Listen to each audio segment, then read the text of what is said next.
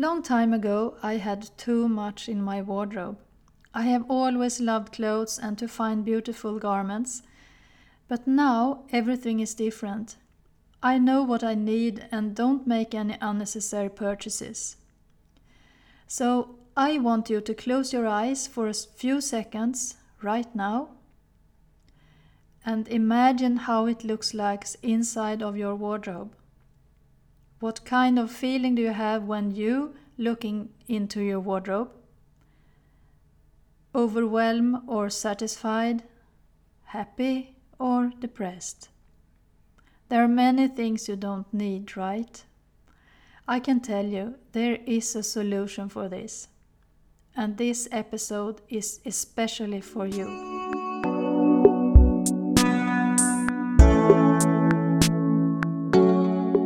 If you're here for the first time, welcome to the show and don't forget to subscribe in iTunes so that you don't miss an episode.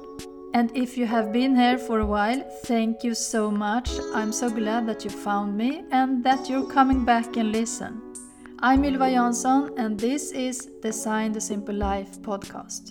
So, today I'm going to talk about the wardrobe again and what's in there. I know I've been talking a lot about it, but I think it's very interesting and it's also the space people often do first when they want to declutter and simplify their lives.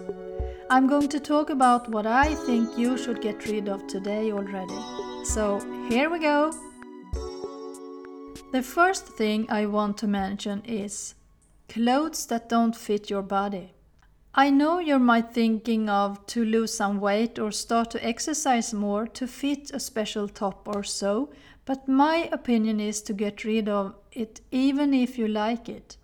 I have had many garments hanging there just because of that I love them and they don't fit me.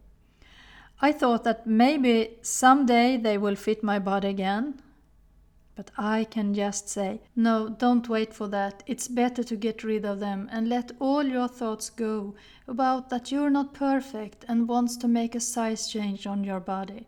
You're perfect as you already are, and if for some reason you lose weight, go and buy a new item you like instead.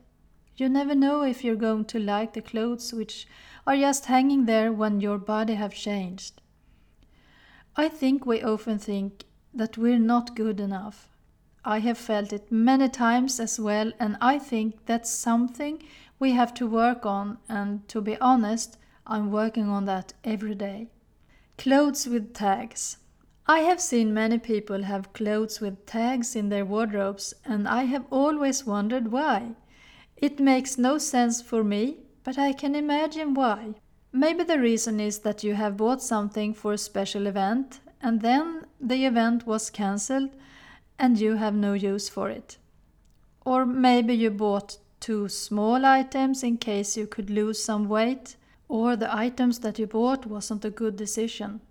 Because when you came home, the color wasn't good anymore, or the size, or the shape. It could be many reasons for having items with tags, but if it's too late to return them to the shop, my advice is to donate them or sell them if you think it's worth the effort.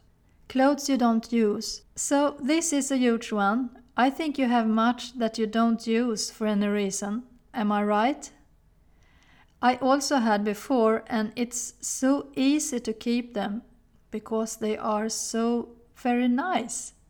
But if you never use them, it's no sense to keep them. They just take up space in your wardrobe you could use for something better.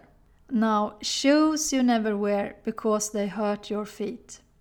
So I'm a shoe lover, and years ago I had many of them, but nowadays I haven't so many, and I realized that the best is when I use all of my shoes. I have some for all occasions, and that's all I need. I rather save my money for something I really need instead of buying shoes because they are nice. Then, if you have shoes you love but they are not so comfortable, hands on your heart, how many times do you use them?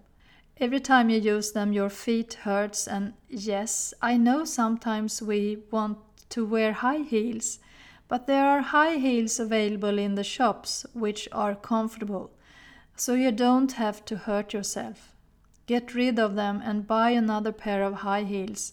Or if your boots hurts your feet, buy another pair or ask yourself if you really need a new one. Then it comes to clothes that you're not comfortable in. I think you can relate to having clothes just because they are fancy or something, but every time you wear them, you don't feel comfortable. Maybe you think that a tight top is gorgeous, but when it's on your body, you just feel uncomfortable. I can tell you, that's me. I love the outlook, but not on my body. I want to feel free and that I can move my body easy without thinking of something like if it's spots of sweat under my arms. I don't know about you, but maybe you have some tops that you can relate to. Worn out clothes and clothes with holes or in need to be adjusted.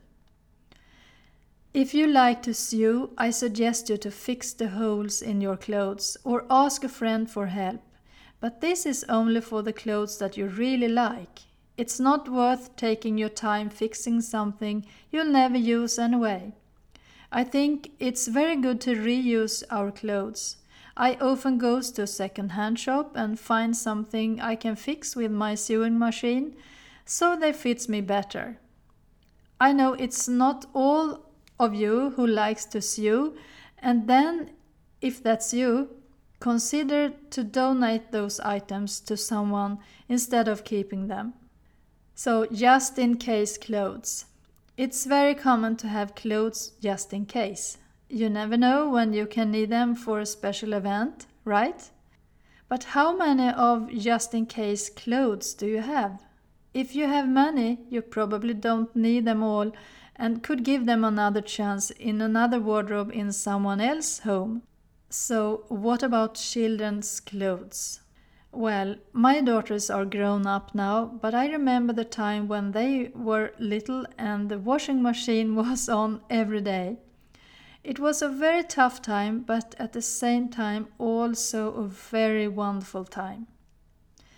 So, I have three daughters with two years in between, and it was great because when something became too small for the oldest girl, it wasn't so long time until the next one could use it. But when I was home taking care of them, our economy wasn't was it was before, so we had to save and find clothes on sale or second-hand shops. We also got clothes from my sister when they didn't fit their kids anymore. So it's so easy to collect children clothes because they are so cute. But for me it was also very difficult to get rid of them when they didn't fit the youngest one. so I kept very much for a long time until I realized that I couldn't collect them anymore. The worst was all cute baby clothes, of course. It's so easy to think that when my kids get own children, they can use them. But listen here, it's not so often they want them. They are very old and often old fashioned, so they probably don't want them for their babies. I kept them for my memory a long time, but then I couldn't have them all because lack of space, and now I just have a few, the real goodies. So do what's right for you about the children's clothes. It's not an easy game and it could take some time to decide what to do with them. So, this is the clothes I suggest you to take out of your wardrobe today and decide what to do with them. Don't keep them in bags in your hall. Get rid of them as quickly as you can to avoid stagnated energy in your home. I hope this will help you create some space in your wardrobe and I would be so happy if you email me your results and what you have accomplished. I'm looking forward to hear from you and maybe I can cheer you on. So, the last weeks I have been working on a new website and I'm very excited to introduce it for you very soon. This is Design the Simple Life and my name is Ylva Jansson. If you like what I share here, Please leave a review in iTunes and don't forget to subscribe to my channel. Have a wonderful day and see you soon.